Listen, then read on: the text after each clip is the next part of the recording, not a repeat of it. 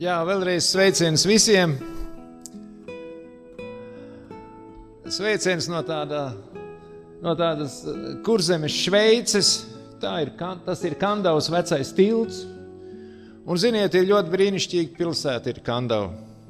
Tur nav rūpniecības, uzņēmumu, tur nav liela satiksme, un tur ir ļoti brīnišķīgi meži riņķi, tek cauri upe, abava, tur ir priežu meži. Tā kā, ja jums, ja jums vajadzētu kaut kur kādreiz gribat izbraukt, nav tālu kandā, varat aizbraukt, pastaigāties, paskatīties, kā upe met līkumus. Pavasaros tur viss ir aplūdis, kā nodienās, bet tagad tur smuka, lēna upīte. Šīs prezentācijas sākums ir šis akmens tilts, un pa šo tiltu mēs braucām pāri, un pēc tās veselības izstādes, kur bija Kandavā, mēs arī braucām, un arī braucam līdz šim laikam, jau no februāra mēneša. Un cilvēkiem gribam kaut ko derīgu pastāstīt. Un šodien mēs parunāsim par lietām, kuras izsauc mums, mēs sakām, chroniskus iekaisumus. Visi chroniski iekaisumi saistās ar audu vai šūnu bojājumu. Un par šīm lietām nedaudz parunāsim. Bet sākumā mēs lasām par radīšanu. Es neesmu ateists, es neesmu arī evolūcijas mācības piekritējis, kaut arī desmit gadus skolā mācīju bioloģiju, un es visiem teicu, tā jums vajag atzīmi, Nu, jums ir jāzina tie miljoni gadi, bet mēs šodien parunāsim bez miljoniem gadu. Un mūsu Zeme ir piena ceļā, galaktikā, kas ir piena ceļš. Tur ir vairāk kā 200, lasām, 200 miljardi zvaigžņu, līdzīgas mūsu Saulē. Citos datos saka pat 400 miljardi zvaigžņu. Jūs saprotat, ko tas nozīmē? Šodien astronomijā ir zināmi 50 miljardi piena ceļam līdzīgi galaktika. Un jūs saprotiet, kas notiek? Visas tās galaktikas griežās dažādos virzienos, lido ar dažādu ātrumu. Piemēram, no seniem laikiem pirmie pieraksti, kas ir par lielo lāci, kurš ir zvaigžņu kopa, kura vispār riņķo, kā viņa grib. Nav zinām, kāda ir viņas trajektorija, bet ātrums ir ļoti milzīgs. Sekundē tūkstoši kilometru. Un ar ko nesaskrienās. Un arī visi šie miljardi galaktikas un tie miljardu miljardiem zvaigžņu ne ar ko nesaskrienās. Un tas viss vienkārši rāda ļoti skaidri. Ir kas visu to vada, ir visu laiku šī kontrole, un visu laiku tas tiek uzturēts. Un, ja mēs runājam par tiem miljardiem zvaigžņu, tad mums ir jāsaprot, ka mums arī organismā ir miljardiem šūnu, kuras arī strādā, kuras kustās, kuras dzīvo. Un mums ir jāsaprot, ka šīs šūnas, viņu iekšējās substances un audi, viņi strādā tāpat pēc zināmiem likumiem. Zvaigznes dievam, kā lai saka, viņām nav saprāta, viņas riņķo un kustās tā, kā Dievs to ir pateicis. Bet mums ir brīva izvēle, un mēs varam savā organismā un ar savām organismu šūnām arī pārkāpt šos likumus. Un tāpēc ir viena lieta, ka šīs zvaigznes un planētas, un arī visas mūsu organisma šūnas liecina par radītāju.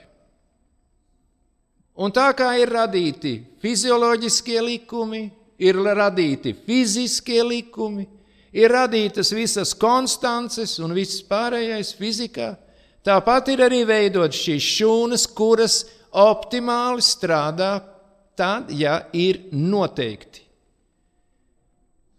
likumi, ja viņi tiek ievēroti. Mēs varam redzēt šo piena ceļa galaktiku. Te ir centrs. Viņa ir debesīs tāda liela josla. Mēs viņu varam redzēt. Ziemā ir sliktāk, vasarā ir labāk. Un mūsu saule, saules sistēma atrodas šī vietā. Viņa nav tik liela šī sistēma. Ja mēs viņu varētu salīdzināt ar visu galaktiku, tad mēs viņu nevarētu redzēt.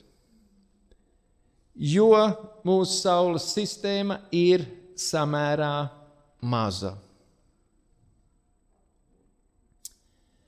Ja mēs runājam par mūsu vēsturi, par Zemes vēsturi, tad šajos gados no 1918. līdz 1919. gadam, un tad pēc Lielā Tēvijas kara eh, tika veikti izrakumi senajā Eridas pilsētā. Tie ir mūsu austrumi, ja, tā ir Iraks, Sīrijas teritorija. Un izrakumi atklāja, ka šī pilsēta ir vissenākā pilsēta pasaules vēsturē. Senajās Babilonijas kronikās bija rakstīts, ka līdzās Eridu pilsētai bija dārzs, kur bija noslēpumains svēts koks, dzīvības koks, kuru bija iestādījuši dievi. Tā saknes bija ļoti dziļas, bet zaris sniedzās līdz debesīm. To apsargāja sargātāji gari, lai neviens no ļaudīm nevarētu iet šajā dārzā. Ķēniņš Nebukadnēcars savas valdīšanas pašā sākumā izdeva pavēli, lai visi austrumu gudrie pierakstītu, savāktu visus rokrakstus un uzrakstītu māla plāksnītēs visu pasaules vēsturi. To arī izdarīja. Un tad, kad uh, šīs māla plāksnītes bija saliktas lielās, uzrakstītas un saliktas lielās kastēs, Kad Kīrs lielais iekaroja Babiloniju, tad šī milzīgā celtne viņa netika iznīcināta, viņa vienkārši tika aprakta. Un tā no vardarbīgiem cilvēkiem un vardarbīgas civilizācijas šīs māla plāksnītes ir saglabājušās līdz šai dienai. Tur ir ļoti daudz, kas ir rakstīts par Abrahāmu, tur ir rakstīts par plūdiem, par paradīzi, Tur ir rakstīts par Nimrodu. Visas šīs lietas tur ir pierakstītas. Žēl, ka mums vēl nav iespēja pie viņām tikt un izlasīt. Es to nevaru, un man šķiet, ka katrs klātesošais to nevar. Bet ir cilvēki, ir zinātnieki, kas to var izlasīt. Un tāpēc arī runājot par šo laiku, kāpēc mēs pieminam vēsturi, tāpēc, kad vēsturē mūsu zemes vēsturē, pirms plūdu civilizācijas laiks un arī vairāk simti gadi pēc plūdiem cilvēki neslimoja. Nebija hroniskās slimības. Un būtībā, ja mēs runājam par Eiropu, Tad Eiropā kroniskās slimības praktiski masveida attīstījās tikai tad, kad sāka veidoties, attīstīties rūpniecība. Ko darīja rūpniecība? Cilvēki ielika telpās, sasmats gaiss, trūks saules gaisma, fizisks vienveidīgs darbs, un ko var pilsētā diži labi darīt. Attīstījās, protams, arī visas krogu sistēmas un visas pārējās šīs netiklības sistēmas, un cilvēkiem parādījās kroniskās saslimšanas. Senie vēstures dati Eiropā ir apmēram no 18. gadsimta, un mēs varam saprast to, ka 40% bērni mira bērnībā līdz pilngadības sasniegšanai. 60, 70 gadus veci cilvēki bija retums. 19. gadsimtā šis vidējais mūža ilgums mēs varam redzēt, ja, un Baltijā bija nedaudz augstāks nekā, piemēram, Beļģijā, Anglijā, Nīderlandē. Tādi ir šie senie dati. Ja mēs vēl paskatāmies no nesenas vēstures, tas ir pagājušā gadsimta sākums, tad nedaudz paskatīsimies par slimību tipiem kādi bija šie slimību tipi. Tātad 1911. gads. Infekcijas slimības, tur bija tuberkuloze un arī parazitārās saslimšanas, ir 24. Audzēji 5,9, sirds un asinsvadu saslimšanas 8,3. 35. gadā mēs redzam, ka Latvijā infekcijas slimību skaits samazinās, bet kas pieaug? Audzēju skaits, sirds asins rites slimību skaits. Slimi... Tie procenti, jā. Tur pārējie nav pieminēti, šie ir galvenie. Un arī, piemēram, karš un tādas lietas arī nav pieminētas tikai, kas, kas attiecās uz slimībām, kuras ir infekcioza rakstura. Ja mēs paskatāmies tālāk, redziet, 58. gadā audzēji pieaug jau līdz 18%, te bija 13%, redzat? Sirds un asinsrites saslimšanas, te jau ir gandrīz 52, iepriekš bija 8,3. Kāda ir tendence? Mums e, šodien saka, ka civilizācija attīstās, labi, mūža ilgums tā pieaug sakarā ar higieniskiem un medicīniskiem pasākumiem. Bet tai pašā laikā saslimšanas, kuras ir kroniskas, saslimšanas, kuras ir deģeneratīvas, to skaits ievērojami palielinās. Ja mēs runājam par 19. gadsimtu, tad pārsvarā bija infekcijas slimības. Viņas nebija daudz. 19. gadsimtā galvenās saslimšanas bija holēra, spitālība, mēris. Mēris, mēri bija dažādi. Gripa nebija, aids nebija. Nerunāsim par šo moderno lietu, kas nesen bija. Kā risināja šīs saslimšanas 19. un 20. gadsimta sākumā? Nu, ne jau ar vakcīnām. Risinājums bija higiēna. Ja mēs uh, skatāmies mīļo, dārgo Rīgu, tad uh, nav jau briesmīgi sen atpakaļ, kad uh, galvenie nami kuros dzīvoja cilvēki. Sēdes pusē bija grāvis, kuru kādreiz sauc par sūdu grāvu. Un viņš tecēja iekšējā Daugavā. Attīstoties higiēnai, higiēniskajām prasībām, infekciju skaits ievērojami samazinājās. Ievērojami. 21. gadsimta saslimšanas. Redziet, te ir sirds asinsvadu audzēji, cukurdiabēts, depresija, osteoporoze. Arī šī nesenā problēma epidēmiju skaitā neieiet. Jo pēdējie dati ir ļoti interesanti. Cik es esmu skatījies internetā, tad pēdējos datos pasakā, tā, parēķiniet visas saslimšanas un nāves gadījumus, vienu komatu pārceliet uz kreiso pusi. Kāda ir, kāds ir cēlonis? Pamatā tas ir dzīvesveids un morāli, kas mums atļauj dzīvot, kā mēs gribam. Mirstības cēloņi Latvijā joprojām, tāpat kā visā attīstītākajā pasaules daļā, ir šie sirds asinsvadu, onkoloģiskās, cukuru diabetes, ārējie faktori. Nu, šodienas dati pasaulē kļūst ar vien briesmīgāki sakarā ar vardarbību. Cilvēki kļūst ar vien ļaunāki.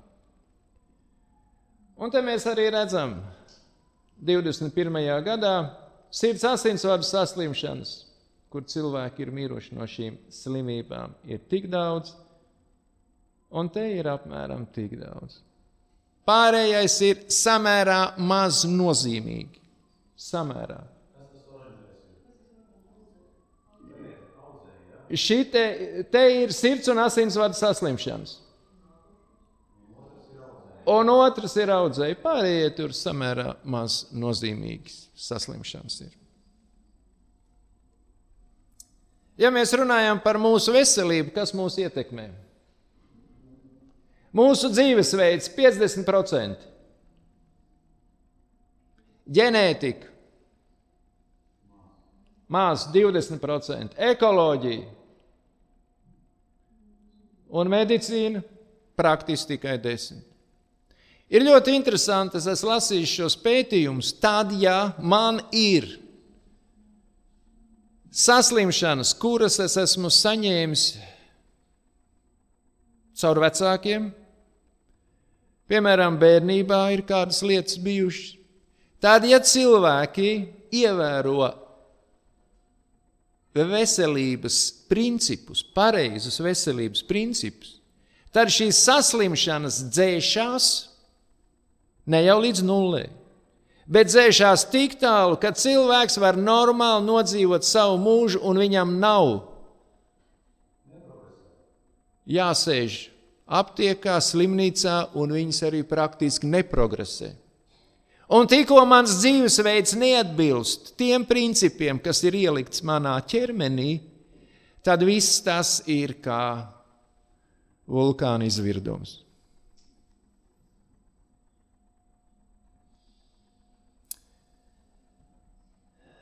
Ir tāds doktors Pols Kleitons.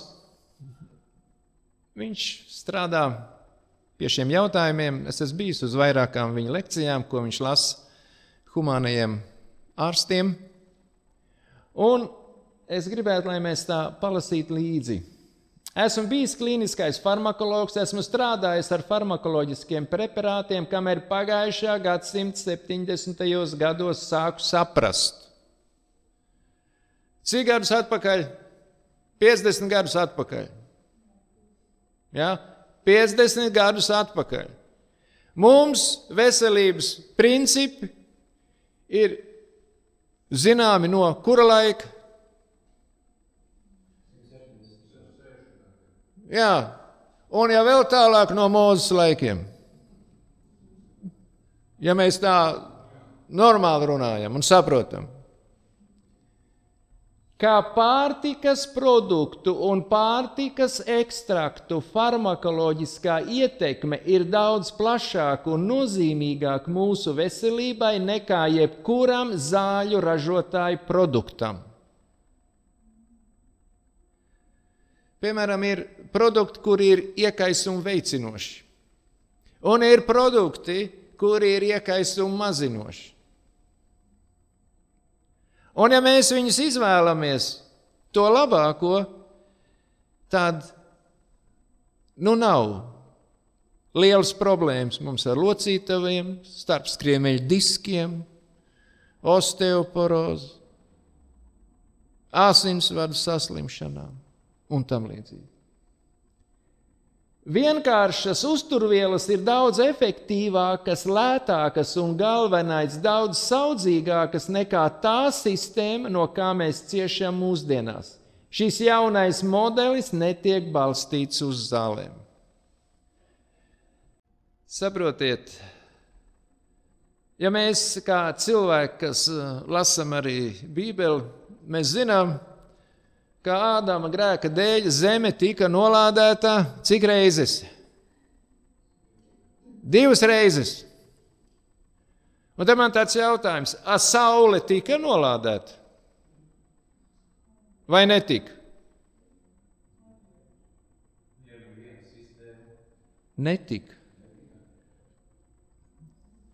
Pirmajā mūzes grāmatā ir pateikts, pirmajā nodaļā,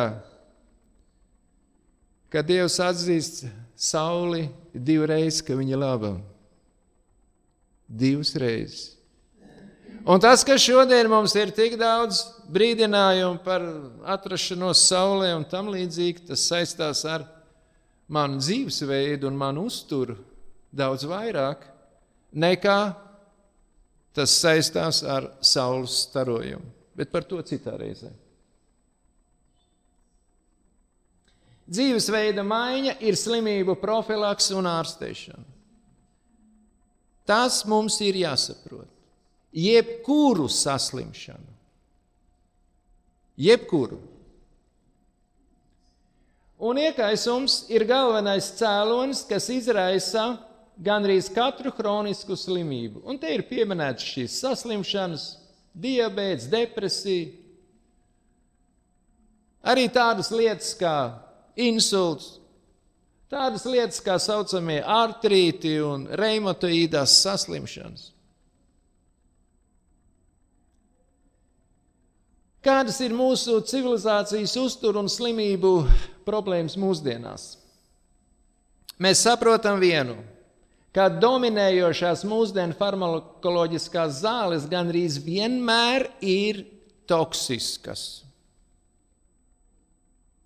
gandrīz vienmēr ir toksisks. Indīgs. Lielākā vai mazākā mērā. Ja mēs atveram zāļu aprakstu, tad blakus parādības ir tādas, atvainojiet, jāiet kaut kur citur.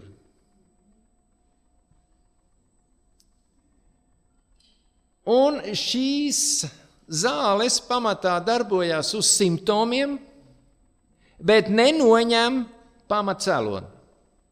Kas to izraisa? Šodienas medicīna zaudē kontroli pār neinfekciozām saslimšanām. Tās ir, ko mēs pieminējām, sirds asinsvadu saslimšanas, diabetes, audzēji, demences, ja vecuma vaiprāts, tāpat arī kaulu sistēma, alerģijas, autoimūnās saslimšanas nu, un citas. Un šodien var skaidri pateikt, ka šīs saslimšanas attīstās ar vien agrākā vecumā un ar vien biežāk. Līdz 90% šīs slimības izraisa dzīvesveida un uztura faktori. Mēs varam no viņiem mēģināt izvairīties. Varam. Mēs varam to izdarīt. Un e, šodien tāds e, interesanta lieta ir, ka nu, paskaties savā pasē, paskaties uz savu personas kodu, nu, ko tu gribi? Veselību. Bet jūs saprotat, ka šīm saslimšanām būtībā nav saistība ar novecošanos kā tādu. Palasiet internetā par Hunas tautu. Vidējais vecums virs simts gadiem. Visunikālākais ir tas, kā viņi nomirst, jeb atstāj šo pasauli. Viņi aizmieg, tā kā rakstīts Bībelē. Tur, Himalajā, tur uz leju, tur tajos kalnos. Un bija ļoti interesanti, kā šī tauta radās. Viņa uh, radās no uh, grieķu karavadoņa Aleksandra Lielā. Viņam bija karaspēks kārtīgs, un bija kāda paliela karaspēka nodaļa, kurai, kur atteicās izskaut visus nepaklausīgos, un tad viņi aizmuka. Viņiem dzinās pakaļ un viņi muka pa kalniem. Un tad viņi at, at, apmetās uz dzīvi kalnos, un tur viņus neviens netraucēja. Kā viņi pie sievām tika, es nemāku atbildēt, jā, tas ir cits jautājums. Bet šī tauta auga, pamat uzturs bija augļi, sēklas dažādas, ļoti reti gaļas produkti un nepārtraukti fizisks slodzi. Un saprotiet, un tad, kad pirmie, pirmie dakteri, Eiropas dakteri aizbrauca, viņiem vislielākais brīnums bija, kā notiek aiziešana no šīs pasaules. Viņš saka, tā, nu, nu, ir viens tāds, nu, cik tev ir gadi? Nu, kaut kur virs 120, piemēram. Jā. Viņš iet, strādā, kustās, un tad viņam gribās ilgāk gulēt. Nu, piemēram, viņš guļ 12 stundas dienā. Apārējā laikā viņš kustās. Un tad uh, pienāk brīdis, kad tas cilvēks saicina visus savus radiniekus. Viņi atbrauc, atnāk tā, viņiem nav ko tur braukt. Ja? Atnāk, viņi divas, trīs dienas pabūt, atcerās vēsturi. Tāpat kā senajā Izraēla tautā, visos svētkos izgāja cauri Izraēla tautas vēsturē. Bija kāzas, bija piemēram atšķiršana, bērnu atšķiršana, zēnu no krūts atšķiršana. Tie bija svētki. Un tad šajos svētkos visu vēsturi izskatīja. Pieminēja atkal vēsturi, un tā no paudzes uz paudzi šīs atziņas krājās un papildinājās. Un tāpat arī viņi. Un tad pienāk viens brīdis, kad eh, no rīta skatās, vecais vīrs nav iznācis no savas eh, mājas. Izrādās, viņš ir laimīgi aizmidzis.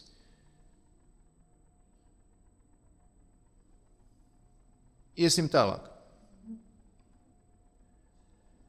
Modernās eh, civilizācijas slimības, nu, mēs zinām, mēs jau pieminējām viņas. Ja?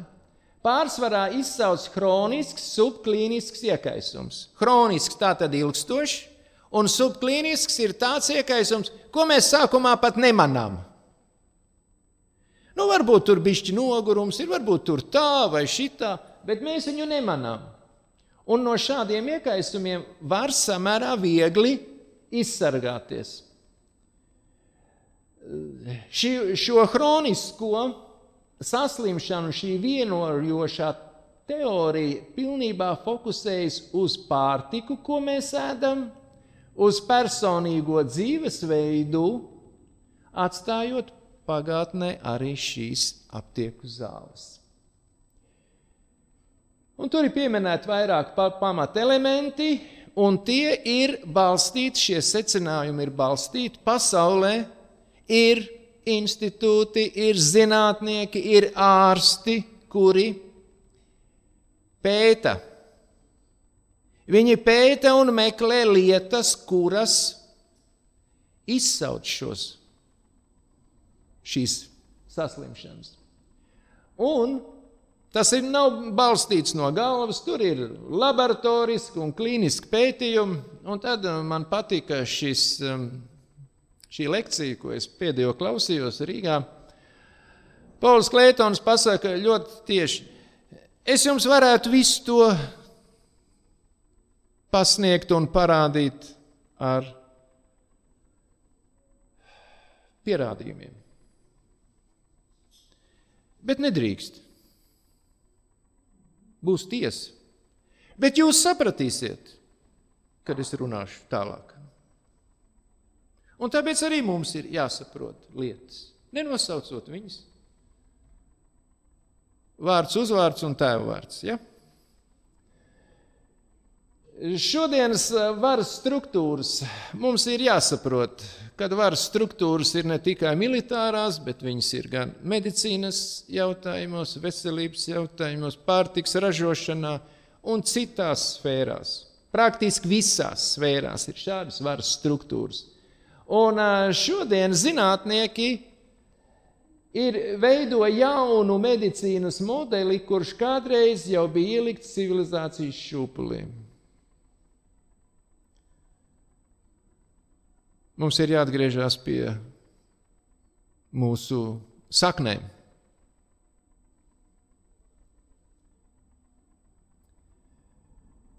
Mūsu dzīvesveids un uzturs ir galvenie saslimšanu izsaucēju faktori. Un vairākumam no šīm saslimšanām galvenais faktors ir kronisks iekaisums.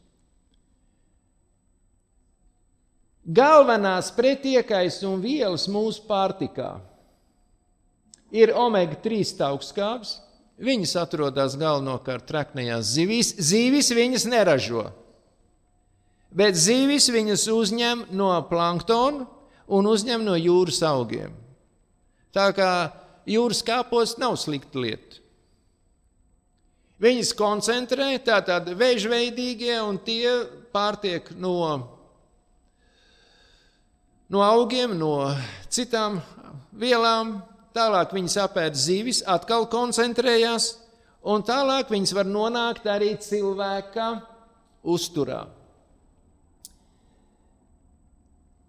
Viss augstākais šo omega-3, šis omega-3 sastāvs ir e, jūras zivīs, kas ir no mūsu platumgrādiem uz augšu, uz ziemeļpusi. Dabiski augošās zivīs. Ir firmas, ir e, laboratorijas, kur šādas zivis ķer, iegūst šo omega-3, attīra un stabilizē ar, ar olīveļu un vēl ar citiem augu līdzekļiem. Un tad šāda stabilizētā omega-3 nonākot mūsu organismā, normāli izmantojas un normāli uzsūcas.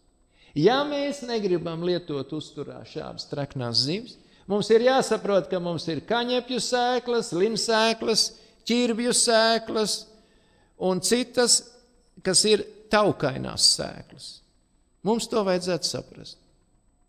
Protams, tās omega-3 ir saucamie dažādi garuma, bet to pamatmasu mēs varam dabūt arī no augu uztura, no sēklām. Polifenoli. Tos satura tie ir augu produkti, augļu, ogas, rieksti, dārzeņi, dabiskās garšvielas. Ja mēs viņus lietojam uzturā, ļoti brīnišķīgi. Un vēl ir tie saucamie 1,3, 1,6 beta-glikāni, kas atrodas raugā un dabiski augošās sēnēs.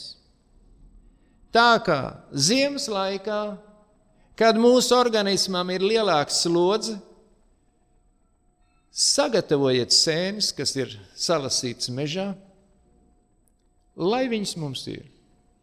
Tālāk parunāsim par uh, lietām, kuras ir vēl dziļākas.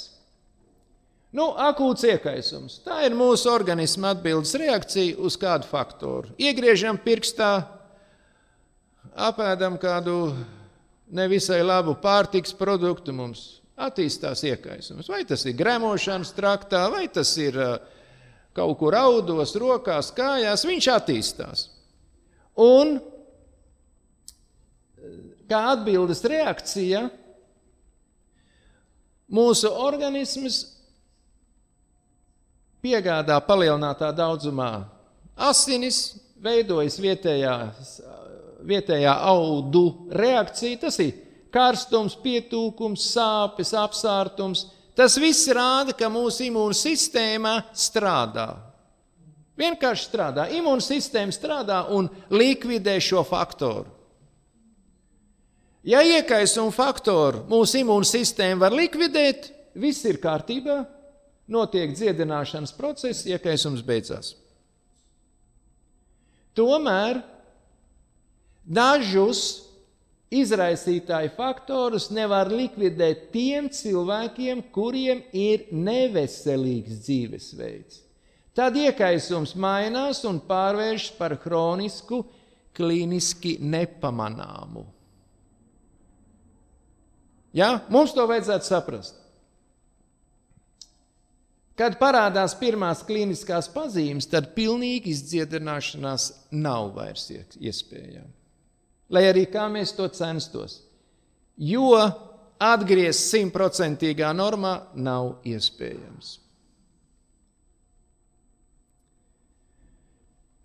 Un tagad tā ļoti interesanti parunāsim, kā attīstās šis iekaisums, šis kroniskais iekaisums. Pirmajā fāzē tātad taukskābes mūsu organismu šūnu apvalkos tiek sadalītas informācijas nesējos, jeb vielās, kas bloķē iekaisuma attīstību. Tieši mūsu šūnu, šūnu apvalkos. Mums ir jāsaprot, ka šūnu apvalkā ir Vidējais slānis ir taukvielas slānis, abi pārējie ir olbaltuma slānīši. Ja šīs manas vidējais slānis nav piesātināts ar dzīvnieku taukskābēm, tāda manā, man šūnas, manu šūnu apvalki strādā normāli. Bet vēl ir viena lieta. Omega 6 sadalīšanās produkti. Tie ir, tās ir arī augu taukvielas, augu eļļas. Mums ir jāsaprot, ka mums ir jābalansē, un mēs nevaram aizrauties ar liela daudzuma augu eļļu lietošanu. Ja? Rafinētā vai nerafinētā veidā. Mums mēs nevaram aizrauties, jo kas notiek? Ir traucēta tad, caur šūnu apvalkiem tiek traucēta šūnas vielu maiņa, un šūnai iekšpusē atrodas tādas lizosomas, jeb pūslīši, kuri ir pildīti ar spēcīgiem fermentiem, kurus sauc par metāla proteāzēm. Šī pūslīši, ja ir traucēta vielu maiņa, starp šūnas iekšieni un šūnas ārpusi, ko traucē šūnas apvalks, tad šie pūslīši var iet bojā, viņu apvalks izšķīst, un šie fermenti izdalās šūnā, sagrauj šūnu, un pēc tam var sagraut arī starp šūnu vielu. Ja? Un attīstās šī kroniskā iekaisuma otrā daļa. Tad, kad es skatījos šīs lekcijas, jūs saprotiet, um, ļoti nelabvēlīgos apstākļos un ļoti nelabvēlīgā, pie nelabvēlīga dzīvesveida, tas pamatā ir Ukraina, atvainojos, Āfrikas teritorija, ekvatora zona. Saprotiet, tad šīs metāla proteāzes sagrauj cilvēkam pat kaulus, Tās bildes ir briesmīgas. Es negribu, ka jūs viņus redzētu. Briesmīgas. Ja spitālība sagrauj mīkstos audus, tad šīs metāla proteāzes sagrauj arī kaulus. Un kā izskatās cilvēks, kurš barību rīklē ievadā caur nēsošu vienu galvas pusi, lai varētu dzīvot. Briesmīgs Bildes tās ir. Kas notiek tālāk? Tātad starp šūnu saistāudi cieš un pašas šūnas cieš. Atkarībā no organisma vajadzībām šīs metāla proteāzes var arī vecu šūnu noārdīt, var arī noārdīt šos starpšūnu saistāvus. Bet, ja pretī ir šīs pretiekaisuma vielas, tad šīs metāla proteāzes ir arī vajadzīgas. Bet, ja viņas to dara savu darbu nekontrolējumā veidā, tiek sagrauti mūsu audi. Tas attiecās uz starpskriemēju diskiem, Tas attiecās uz mūsu skrimšļiem, kas ir locītavās. Tas attiecās uz mūsu smadzenēm, kad mums nevar saprast, kas notiek. Ja? Kad cilvēks praktiski zaudē savu cilvēcību, tā ir nervu šūnas sabrukšana un tam līdzīgi. Sākumā šie bojājumi nav plaši, mēs to nejūtam. Bet tālāk attīstās šie, šī hroniskā sabrukšana, var attīstīties, un organisms praktiski pārvēršas invalīdā. Omega 3 taukskābes pamatā sargā mūsu šūnu apvalks.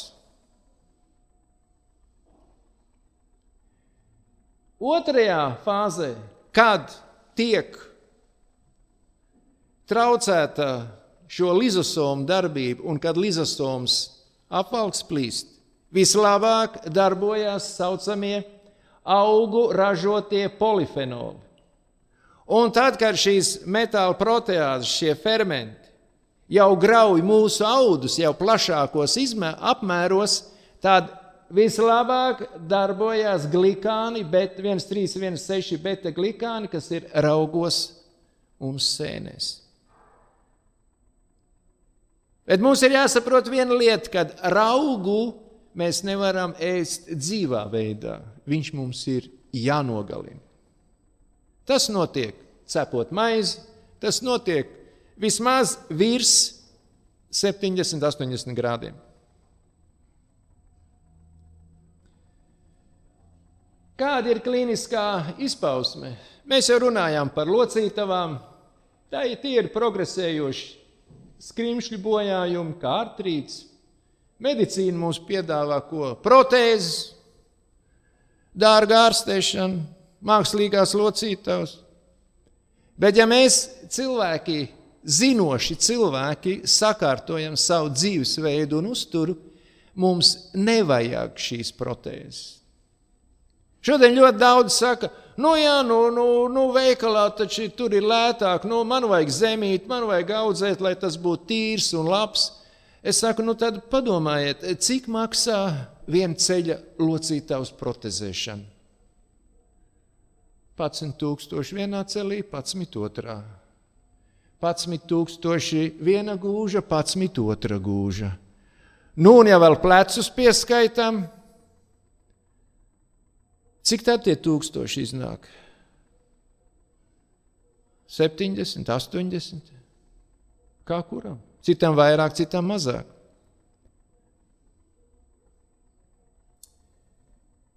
Chroniski iekaisumi skar arī kaulu sistēmu. Mums attīstās osteoporoze. Sievietēm bīstamāk, vīriešiem netik daudz. Sirds, smadzeņu arterijas, tur ir ateroskleroze. Un tā kā šie chroniski iekaisumi attīstās arī mūsu asinsvados, tad visur tur, kur ir visšaurākie asinsvadi organismā, ir kur? Tīklenē, nierēs, visbiežāk skartas tiek šīs lietas. Ja runājam par elpošanas sistēmu, tad ir tie saucamie astmātiskie stāvokļi. Nu, un, protams, šādi procesi skar arī mūsu smadzeņu šūnas.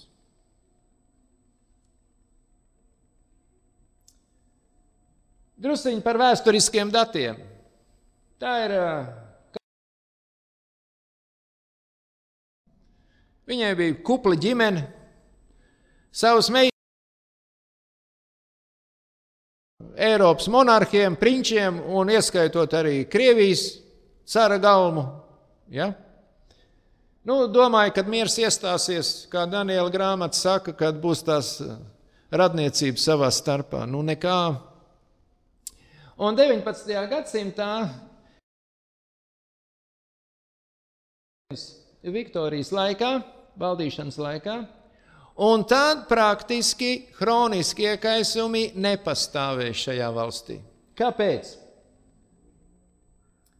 Līdz sirmam vecumam nodzīvot bez kroniskām slimībām bija daudz lielākas iespējas nekā mums šodien. Viņiem nebija moderna diagnostika, viņiem nebija moderna aparatūra, medikamenti, uz ko mēs gribam paļauties. Bet pāris dati. Ja bērni izdzīvoja līdz 5, 6 gadu vecumam, ja viņi izdzīvoja, tad viņu dzīves ilgums bija līdzīgs mūsējām. Cilvēki tad mira no infekcijām, traumām, dzemdībās, ugunsgrēkos, karā, bet reti no sirds, asinsvadu saslimšanām un audzējiem. Reti iemesls. Lauksaimniecībā nebija praktiski nekādas ķīmijas, nebija minerālu mēslu, ja? un uh, viņi ēda pārtiku no vecajām šķirnēm, kurām bija, viņas nebija tik garšīgas, viņas nebija tik uh, ražīgas, bet viņām bija kolosāls daudzums, daudz vairāk mikroelementi, vitamīni un arī omega 6 augstskābes. Tajā laikā gaļu atļauties un baltmaizi atļāvās uh, augstākā šķira. Šodien ir otrādi. Cik es esmu lasījis un iepazinies, un es zinu, ka uh, pasaules elite lieto uzturā pamatā augusturu, tīru augusturu. Viens no tādiem reģioniem ir Jaunzēlande, kur to audzē. Tajā laikā, kā jau minēju, kungi atļāvās ēst baltmaiņas, cukuru un dzīvnieku valsts produktus. Parastā tautā ēda vienkāršāku uzturu. Tad arī tā kā karaliene Viktorija bija par puritānisku dzīvesveidu, tās saucamās uh, civilizācijas uh, izklaides vietas, kā mm, krogi, priekanāmi tika ierobežoti. Dzeršana atklāta kā tāda, līdzīgi kā Andropola laikā bija. Mēs atceramies vecākā paudze. Nedod Dievs, kā kādā sajietā tika nolikt uz galda alkohola pudele vai tam līdzīgi. Tad arī es jums varu pastāstīt, ja kāds nezina. Kinoteātrī pa dienu rādīja filmas. Atvērās durvis, ienāca iekšā cilvēki ar lielām pilnvarām, un katram paprasīja, kāpēc tu nestrādā līdzīgi kā pie karalienes Viktorijas. Un šīs kultūras šķirnes saturēja daudz vairāk mikroelementus, omega-3 augstskābes un citas bioloģiski aktīvās vielas. Tajā laikā nebija mākslīgi kultivētās ganības, dzīvnieki ganījās dabiskā pļavā, kur bija ļoti daudzveidīgi augi un kur arī varēja uzņemt šīs omegas. Un tad tur tajā pienā vai krējumā arī viņas bija. Šodien nu, ir skumīgi. Es zinu vienu gotiņu, kura ēd dabisku pļavas zāli, vienu no tūkstošiem, kas ir mūsu rajonā. Viņi apēda daudz vairāk augļu, ogu, dārzeņu, pilngraudu produktu, streknās zivis, tādēļ to uzturā uzņemtais mikroelementu un fito uzturvielu daudzums bija apmēram desmit reizes lielāks nekā šodienas speciālistu noteiktās normas. Bet viņi nebija resni cilvēki. Un nebija tāpēc, kad fiziski smagi strādāja. Vidēji vīrietis diennaktī, kurš strādāja fizisku darbu, apmēram 3 līdz 4 tonnas smagums pārcilāja. Vai tas bija krāvējs, vai tas bija kāds cits strādnieks, tā slodze bija apmēram tāda. Jūs saprotat? Un, ja mēs parunājam šodien, ka cilvēkiem ir ļoti liela apetīte, nu kāpēc? Viņš ēd, ēd un ēd, un viņam vajag. Viņām trūkst šīs vielas, saprotiet? Mikroelementi, fito uzturvielas, omegas. Viņam trūkst, organisms prasa un viņš ēd. A, kur viņam liktās, liekas kalorijas? Taukos. Fiziska darba tā nav, bet organisms prasa.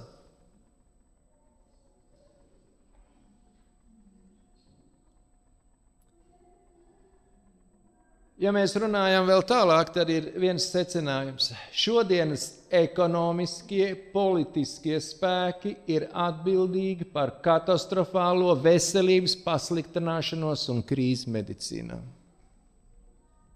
Zināšanas ir pietiekoši daudz, bet, diemžēl, mums vajag raķetes, mums vajag bumbas, mums vajag Holivudu mums vajag pizzērijas un viss pārējos akcijas preces. Un gala rezultāts ir tāds, kāds viņš šodien ir. Modernās pārtikas pārstrādes un ēdienu gatavošanas metodas mūs pakļauj tādu vielu iedarbībai, kas veicina iekaisums organismā. Par to mēs parunāsim vēlāk, citās reizēs. Visatļautība, alkohola, dabas lietošanā, vidus piesārņotība, fizisko aktivitāšu trūkums mūsu dzīves dienas padara vēl smagākas.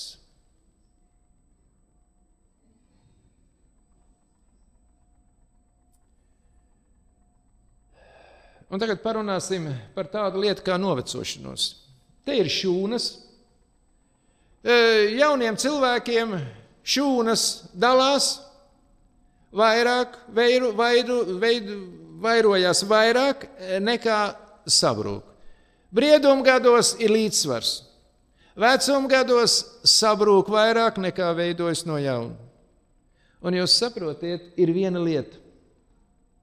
Te mēs varam lasīt, kad kronisks iekaisums skar mitohondrijas.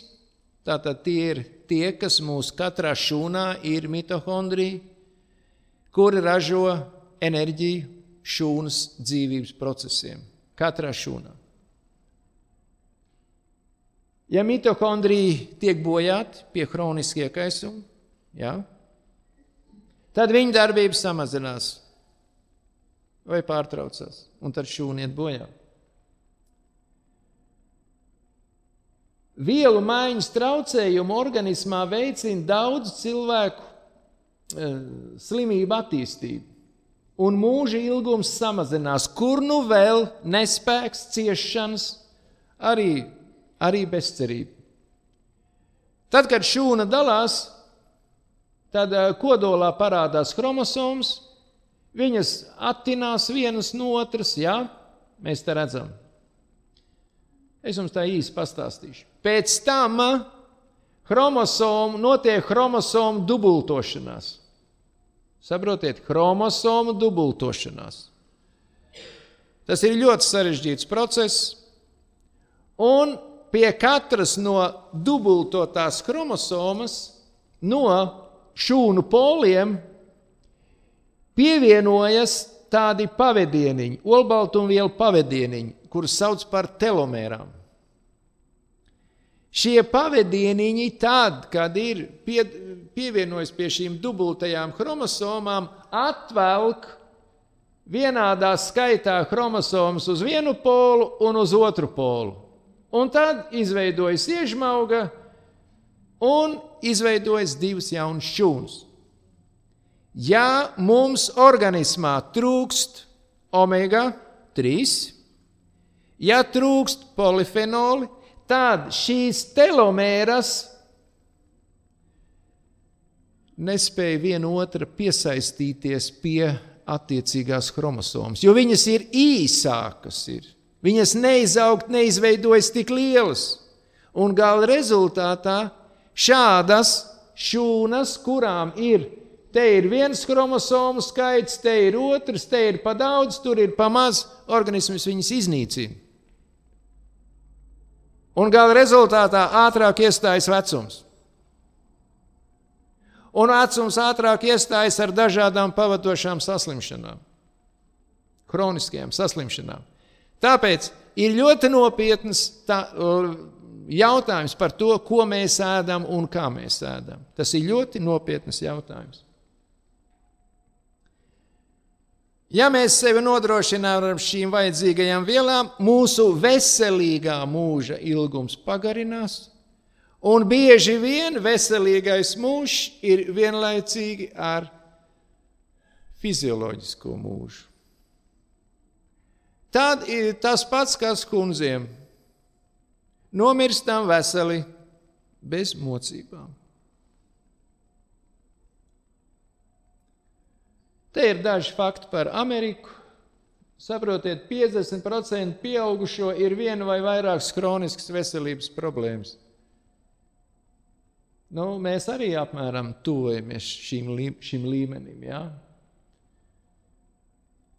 53 miljoni un 22 miljoniem ir grūtības veikt parastās aktivitātes artrīta dēļ. Tie ir locītavi iekaisumi. Šodien ļoti bieži vienam muguras sāpes. Kas tad ir muguras sāpes? Tās ir izmaiņas mūsu starpskriemeļu diskos. Un tā atkal ir starpskriemeļu disku nu, deģeneratīva sabrukšana, lēna, neliela sabrukšana. Ko var apturēt?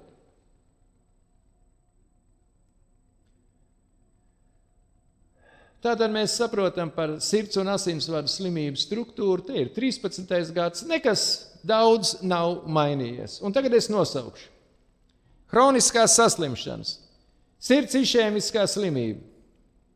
Tas ir tad, kad mūsu asinsvadi ir aizlikti ciet un mūsu sirsniņa, sirds muskulis nesaņem asins. Ja? Tā ir kroniska saslimšana. Hipertensīvās saslim, slimības. Tātad paaugstināts asinsspiediens. Kāpēc? Visbiežāk atkal ir aizlikti asinsvadi. Un, lai organismu nodrošinātu ar pietiekošu barības vielu un skābekļa daudzumu, sirds darbība pieaug un pieaug arī šis sirds saraušanās spēks. Un rezultātā pieaug asinsspiediens. Cerebrovaskulārās saslimšanas arī ir saistītas ar izmaiņām asinsvados. Stenokardija un pārējās slimības, nu, tās mēs varētu nosaukt par akūtām. Tātad tās nav chronisku procesu izsauktas. Nu, cik tad te paliek? Cik tad te paliek? Minimums 80% ir kroniskas lietas. Eh, veselīgie mūža gadi. Paskatīsimies. Veselīgie mūža gadi. Vidējie rādītāji. Igaunija, Lietuva, Latvija un Eiropas Savienība. Veselīgie mūža gadi. Tātad, kad man nav regulāri jālieto medikamenti, lai es varētu strādāt, kustēties un dzīvot. Vīriešiem ir 51,8 gadi, sievietēm 54. Mēs esam tuvu zemākajiem rādītājiem Eiropas Savienībā. Tuvu.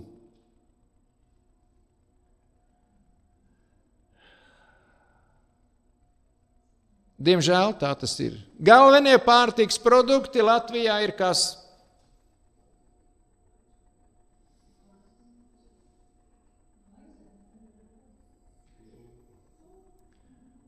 Gaļas un piena produkti. Enerģētiskajā ziņā viņi ir galvenie. Pateicoties problēmām, tautssaimniecībā cilvēki sākuši ir mazāk ēst šos produktus. Lielajā TV karā interesanti. Tad, kad uh, Hitleriskā Vācija visu enerģiju, visus resursus uh, kara rūpniecība atdeva, Vācu tautā pazuda sirds asinsvadu saslimšanas, visi audzēja, gandrīz visi. Pēckara gados bija tāpat, jo bija milzīgas problēmas. Kā sākt celt dzīvnieku kompleksu, viss atkal atpakaļ atgriezās. Atkal viss atpakaļ. Cilvēks, kurus izsūtīja uz Sibīriju kādreiz šajos gados, viņiem, ja viņi palika dzīvi, viņiem beidzās visas kroniskās saslimšanas.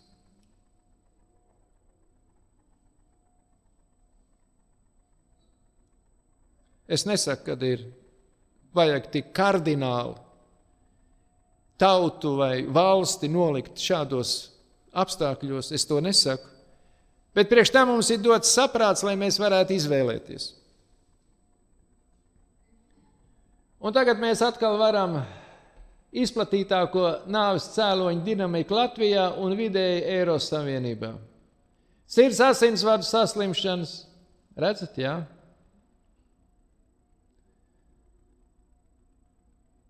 Tālāk šī zilā ļaundabīgi audzēji, zaļā ārējie cēloņi, nu, negadījumi, traumas, pašnāvības un tam līdzīgi. Un mēs redzam, ka šīs saslimšanas mūsu valstī praktiski ir ievērojami, ievērojami augstāks. Jāsāk domāt. Tālāk mēs ātri varbūt izskriesim cauri, kāda tā nākotne ir, ko mēs varētu parunāt. Par jaunu sākumu, jeb astoņiem veselības principiem, kurus jau mēs pamatā zinām, bet ir vesela rinda lietas, kuras vajadzētu saprast un varbūt arī pieņemt.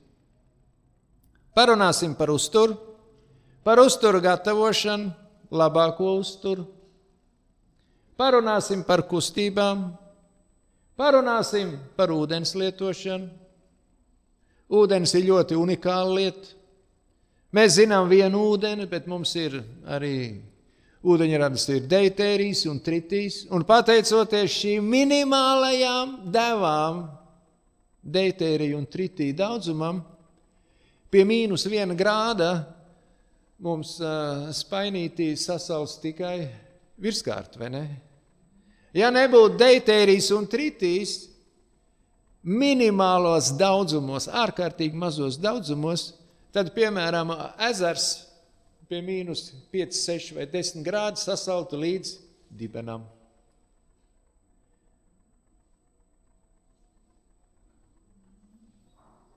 Saules gaisma. Par saules gaismu parunāsim īpaši.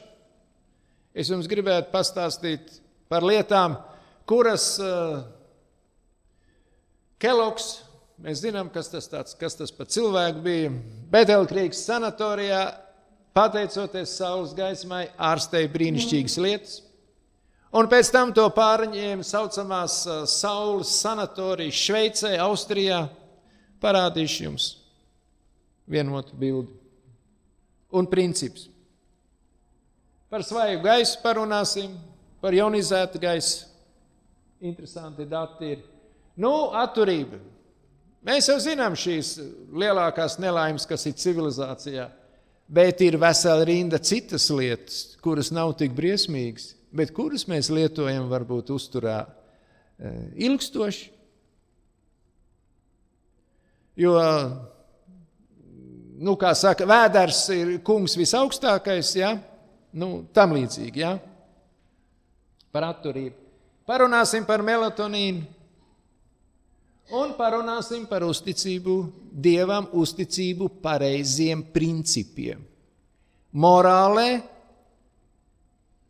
ēšanas ziņā, izturēšanās ziņā, fizioloģiskā ziņā. Līdz ar to mēs būsim tādu ievadu runāšanu pabeiguši. Nākošo reizi paturpināsim vēl par šiem iekaisumiem, par vienu otru interesantu lietu. Un jāsaka visu labu. Paldies!